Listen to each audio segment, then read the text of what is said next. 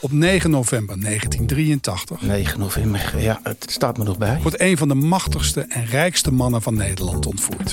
Freddy Heineken en zijn chauffeur zijn vanavond ontvoerd. Rond 7 uur zijn ze in het centrum van Amsterdam door onbekende gemaskerde mannen in een bestelbusje gesleurd en meegenomen. De ontvoerders van Heineken en Doderer eisen 35 miljoen gulden aan losgeld. Wij willen het gevraagde bedrag betalen. En dat losgeld krijgen ze na een spectaculaire overdracht. Er is een auto ongeveer dik uitgekomen.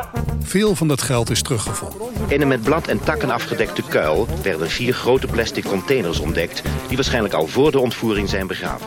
Maar 8 miljoen blijft spoorloos verdwenen. En over die 8 miljoen, daarover gaat deze podcastserie. Waar bleef dat geld? Werd het verbrand, begraven, uitgegeven? Of is het inmiddels veel meer waard, dankzij slimme investeringen en schimmige witwasconstructies. Waar is het geld? Het geld dat heeft volgens mij eh, verbrand op het strand. Hè? Heeft u eh, panden in Amsterdam, bezittingen, eh, Nee hoor, absoluut niet. bordelen? Nee. Er is denk ik eh, nou, het zal acht jaar, negen jaar onderzoek gedaan door de politie. En die hebben eh, niet één gulden gevonden. Geen gulden gevonden. Maar toch ontwricht de jacht op dat geld al 40 jaar het leven van gewone mensen. Dat was eh, ook een eh, traumatische ervaring. Ik ben Sophie Blok. En ik ben Harry Lensing. We zijn beide journalist bij Follow the Money. Wij gaan alle scenario's af.